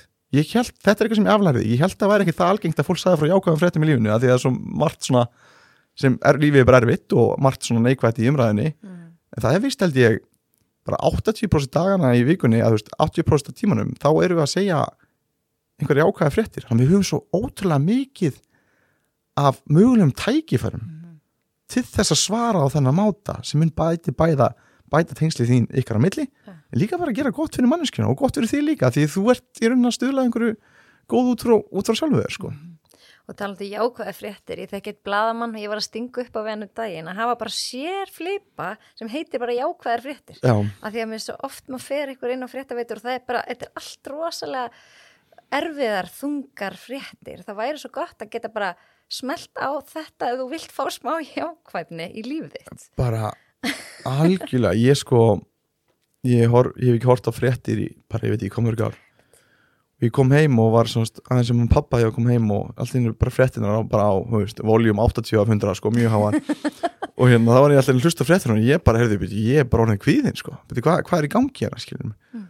þannig að það er svo maður þarf að fara að valja þú veist á fréttamiljum að mínum að því að því að heimurinn virðist vera voða slæmur og virðist vera margt slæmt að gerast en við vitum það að það hefur aldrei verið gott að vera lífi sko. mm. og það eru rosalega margir góðir hlutir að gerast lífinu hana, en málið er bara ég, ég er rosalega ég stuðnismæður þessar hugmyndar en þú séum við erum við með amfólki bara við erum svolítið negativity bæja sko, út frá þróun og það er betra að taka eftir eitthvað sem var en eitthvað sem var Mm. upplifir hamingja jákvætt, það er bara svona, þú veist eitthvað neikvæð, eitthvað drepið sko. þannig að við erum miklu líklega til að klikka á neikvæða fréttinar og þetta myndi hann spírala þeir sem er að gefa út fréttinar þeir gefa út neikvæða fréttir, Mm. þeir fá klikk það borgar þeim vinnuna og vinnustannum og allt þetta. En ég er hrifin að þessar hugmynd að, að hérna skelli ég myndi klálega að fara inn á, á vísi eða hvað væri, það væri bara hérna jákvæða fréttidálkur, ég myndi klálega að taka þá myndi ég fara á internet, internetrúlið sko, Já, nákvæmlega Æ, þetta er bara, þú veist, þessar fréttir það því að svo fólk líka svolítið erfitt með þegar það er stríð í heiminum og það eru elgós og það er alls konar fórst fólk að missa heimili og þá á, e, sumir eiga þá erfitt með að upplifa má ég bara vera gladur og hamingjusamur? Mm, þú veist, þegar aðrir er að þjást. Mm það er líka svolítið svona þess vegna held ég að margir séu að hætti bara á fréttir. Af því þeir, þeim finnst erfitt að réttlæta það að sjálfum geta liðið vel. Já, fara þá að skamma sín fyrir að líða vel af Já. því að öðrum, já þá ertu Ég- komin í samanbyrðinu Já, ég hef upplifað þetta, þú veist, ef að spjalla við fólk. Já, fólk upplifið þetta aðeins. Það er mjög, mjög áhugavert. Mm. Hmm. og örgulega börn líka þú veist. Þetta er að vera barn í dag er, þú veist, það er stanslist áreiti. Þú sérð einhvern veginn allt í gegnum samfélagsmiðla og TikTok og eitthvað sem við gerðum ekki mm þegar við vorum börn þau eru upplýstar en samt eru svo mikið af falsfréttum. Já, þannig að þau, já, en mjög svona sko ég myndi þá sko mér finnst annað en að sko að viljandi láta sér vera ómikið saman og sína samkend þú veist, ég get Já, séð já. frétt og um elgósið og, og Mm. bara vá hvað ég finn til með hérna grindvíkingum eða bara, þú veist eða ég get séð einhverja fréttur í heimur og ég finn til með þeim, skilur mig, og ég finn virkilega til með þeim og ég leiði mér að finna fyrir því mm. en þú veist, en það þarf ekki að valda þér það er ekki að er óhamingju Nei. samt, skilur mig af því að samkjæða nóg til að samkjönda og samkjöndi gott mm. erfið tilfinning en þú veist líka góð Já. og hérna og ég held að það sé svolítið svona og samkjönd, það er ekki beint hamingja það er ekki beint að mér finnst allavega, en ég skil alveg fólk að vera bara svona hvernig get ég verið ánæður þegar svirðist vera svona margt í gangi skilur mig? En þú veist, ég myndi allavega ef ég var í þeim spórum, myndi ég kjósa ég líti á þetta og ég síni um samkjönd Mhm. en síðan get ég ekki, eða því ef maður myndi láta alla þessa hluti stjórna sér, þá væri maður aldrei upp, myndi maður aldrei upplega hamingjum, maður er alltaf bara rosa dán en maður myndi vera á svo já, en síðan ef maður myndi taka eftir líka og myndi fara og googla bara hvað eru 20 frábæri hluti sem hafa gerst í heiminn, skilur mig, undarfærið mm. og þú veist, að þú veist, það voru búið að minka algjör í fátækt um bara helming frá árin 2000-2013 og þá var markmið að takast fyrir 2015 og þá útrýma algjör í fátækt sem er semst að lifa undir 1,98 dólar á dag.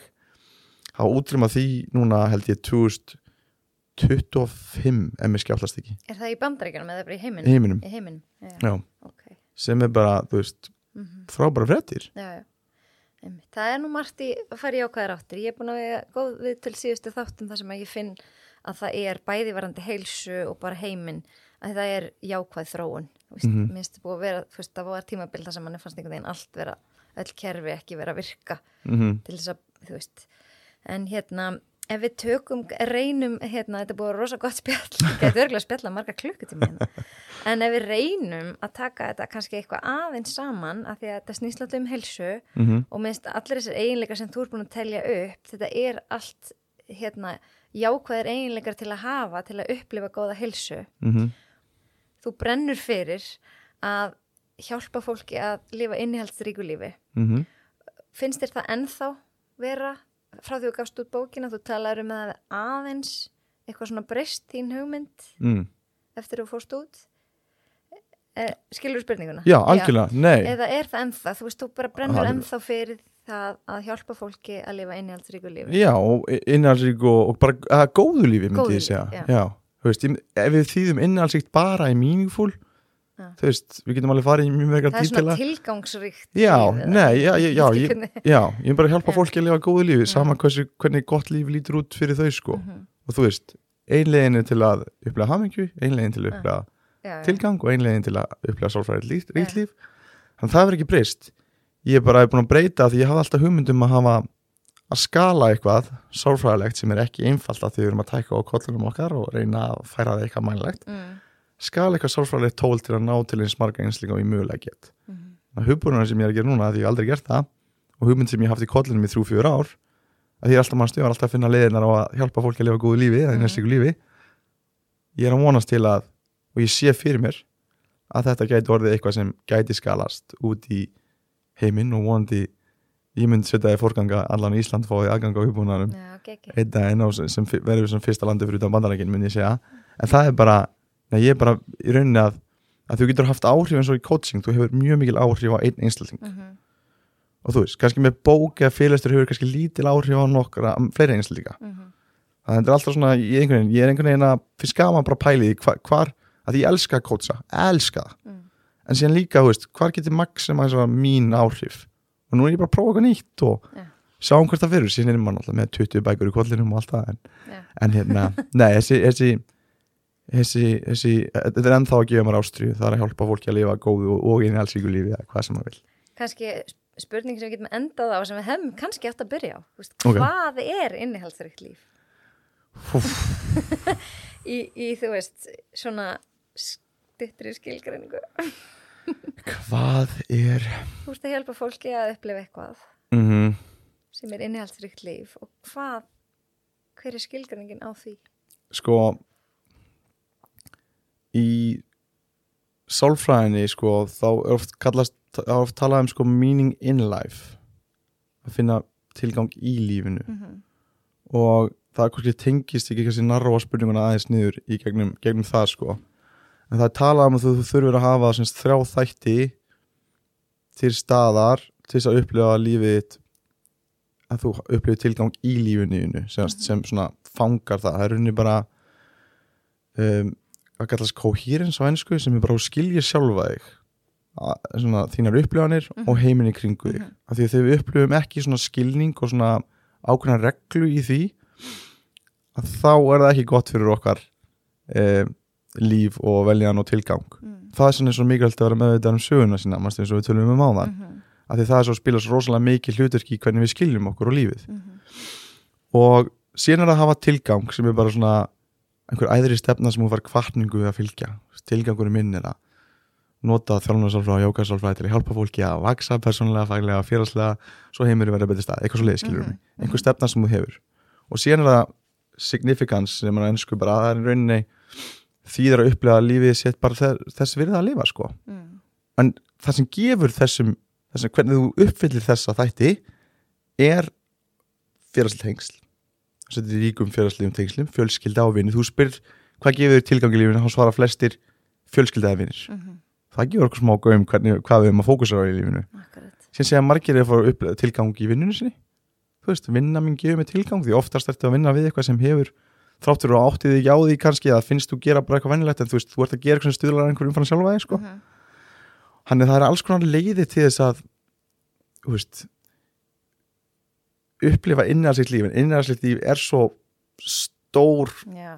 stór reglíf sko en hérna þetta er allan svona sem ég var búin að minka spurninguna aðeins niður, svona tilgang í lífinu sem er rauninni bara þú ert að fylgja einhverjar verðuðari stefnu sem hefur góð áhrif á aðra umfram sjálfa þig Mm.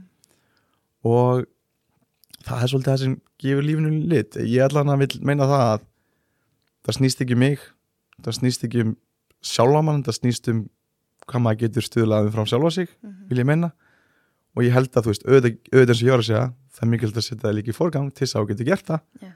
en ég held að sé bara fyrir mig og sem gefur fólkinu tilgang er að þegar þú ert, finnur að þú ert að hafa góð áhrif aðeins lífinu þínu og mér er sama hvort það sé fjölskyldumælum eða ókunnum maður út á göttu eða, Mm. eða í vinnunni og svona þú finnur að eitthvað sem þú að gera er að hafa áhrif þá upplifur svolítið það fyrir, fyrir mér að það er fátt sem toppar þá tilfinningu sko. Mhm. þú veist, þú þú er búin að hlusta mig vel í podcastinu þú ert að hafa góð áhrif á mér, nú er ég að tala og ég, þú veist, og ég átta með einhverju nýju þegar ég er að tala og svo framvegi, skilur mig þannig að það og síðan gefur þessi þáttur út og allt í hennu hlustar einhverju þáttin og vonandi sagði ég eitthvað gáulegt sem fólk getur lært af Mhm. og þú veist, og þá er þú að skapa það rými og einhvern veginn að finna þá sem kemur einhver út í sundleginu og fyrir sundnæs, bara heyrðu á hlusta á hana á þáttana, með önnu steinsinni eitthvað, og ég læriði þetta og bara það var geggjað og ég gerði þetta eftir það og bara svona, það er ekkit veist, það er ekkit sem toppa það en þetta þarf ekki að vera podcast, þetta getur líka bara verið samræð með vinkonum og viniðinum og við þurfum alltaf að vera duglega líka að þú veist segja við fólki í kringum okkar bara, þú skiptir mér á svo miklu máli sko. Já, við erum alveg ekki duglega því Íslendingar. Nei, Þú veist- veist, það sem gerði þarna, það hjálpaði mig að gera þetta þú veist, hvernig þú hlustaði á mig þarna þú veist, ef þú myndir ekki bú, búa henni að vera henni í lífinu mínu, þá myndi ég sakna henni og ég saknaði þegar þú varst í byrtu og veist, að finna að maður sé nöðsynlegur og ég held að við getum, það er besta gjöf sem við getum gefið þér fólki. Það er bara, heyrðu maður langar bara að lifa á þetta að vita að þú skiptir rosalega miklu máli í lífinu mínu. Og hérna, að hafa því í lífinu bara mikilvægt fyrir mig. Og lífið mitt var ekki eins gott ef þú verður ekki í lífinu mínu takk fyrir allt sem þú gerir. Og sen getur þú nefnt einhver dæmi af hverju þið finnst að skipta máli. En þú veist, fá að heyra þetta og gefa þessa gjöf það er bara, þú ert að gefa gjöf sem kostar ekki neitt sem er rosalega mikilvægt fyrir, ekki fyrir bara sjálfa nei, fyrir manneskuna, þegar þú gefur af þig þá finnur þú líka að þú segir við einhvern að hann skipti þig máli þá er þú líka að gefa frá þér. En ég held bara að vera um duglega, lífið er bara stutt lífið er, getur hrifsað undan er bara án þess að þú vitur að því. Ég held bara að það sé mikilvægt fyrir okkur að við látum hvort annað vita að, að fólki í kringum okkar skipta okkur máli. Af því það er það mikilvægt sem við höfum í lífinu. Og ég tel að við erum að láta fólki okkar vita að því vera miklu duglegur á því. Af því við skiptum öll miklu meira máli heldur en við gerum okkur grein fyrir. Og að því að þetta hlaðvar snýst, nú um heilsu þá allt sem þú ert að segja þetta hefur nefnilega svo mikil áhrif á heilsuna okkar. Mm -hmm. veist, það að vera í félagslegum góðum samskiptum og að hugsa um heilsuna, nei, hugsa um líkamlega heilsuna, það hefur allt áhrif á andlegu heilsuna, Mhm. þetta er allt bara samtvinna. Mm -hmm. og við getum haft góð áhrif á aðra sem við erum vonandi að gera í dag Mm -hmm. uh, með því að ræða þetta. Og, og bara þess að mikilvægt að vera meðvitaður um það í lífinu að það sem þú ert að gera, þú veist, og ég sé mér lífið í lúkonum og ég er að hugsa um mig fyrst og fremst, þá er ég samt vonandi að smita út frá mér. Mm jákvæðni eða einhverju, skilur að einhver bæti sig þá núna í félagslegum samskiptum eftir þennan þátt eða hvað, Mhm. skilur eða í fjárhagslegum uh, helsu eftir fjárhagslega þátt já, skilurðu. mm -hmm. þetta er svo mörg svið og megum heldur ekki miklu það of mikið fyrir okkur nei, heldur bara, þú veist bara þetta að næra okkur nánustu og okkur sjálf já, það er bara, bara algjörlega þetta þarf ekki að vera eitthvað þurfi ekki allir að vera podcast þetta er maður getur bara gert það á hverjum, hverjum degirunni sko. þú hefur rosalega mörg augnablík til þess og ég las hérna bók árin ég fór út, sko flutt út í fyrstskipti sem hafði svolítið mikil áhrif á mig. Hún heitir The Gift of Influence. Og það talaði um, bara fyrsta sagan heyrðu, ég myndi að er að þú ert að líður undir leðalöka þínu lífi. Og það er bara svona stór fótballtaföllur tróðfullur af 80.000 manns. Og þau eru annarkvort að fagna og klappa að því að hafa svo góð áhrif á lífið þeirra eða þau eru að búa á þig af því að þú hafið neikvæð áhrif á lífið þeirra. Mm og pælingin hans var að þú veist þú, þú getur haft áhrif á tve- 2,9 öst, nánast þrjá einslíka á hverjum einstu degi getur haft áhrif. Þú veist, og örgulega fle fleiri í flestum tilhaukum skilur mig. Og að þú mynd, nei, þú mynd hafa á meðaltali áhrif á þrjá einslíka á hverjum degi út lífið þitt. -hmm. og þetta getur verið eins og aftur, vinnufélagar eða bara einhver út á gödunni eða þú veist, eitthvað.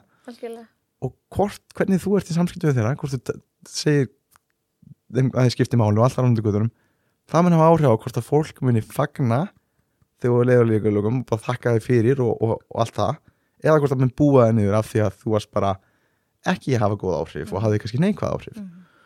og ég vil bara svolítið tróðfylla hann öll sko Einmitt. Er það ekki bara flott lokar?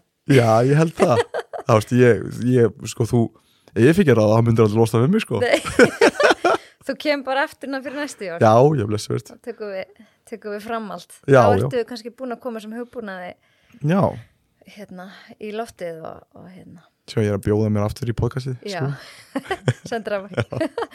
en bara takk kærlega fyrir að gefa þér tíma til þess að deila við- bara við þekkingu þinni og vitneski með okkur og, og hérna.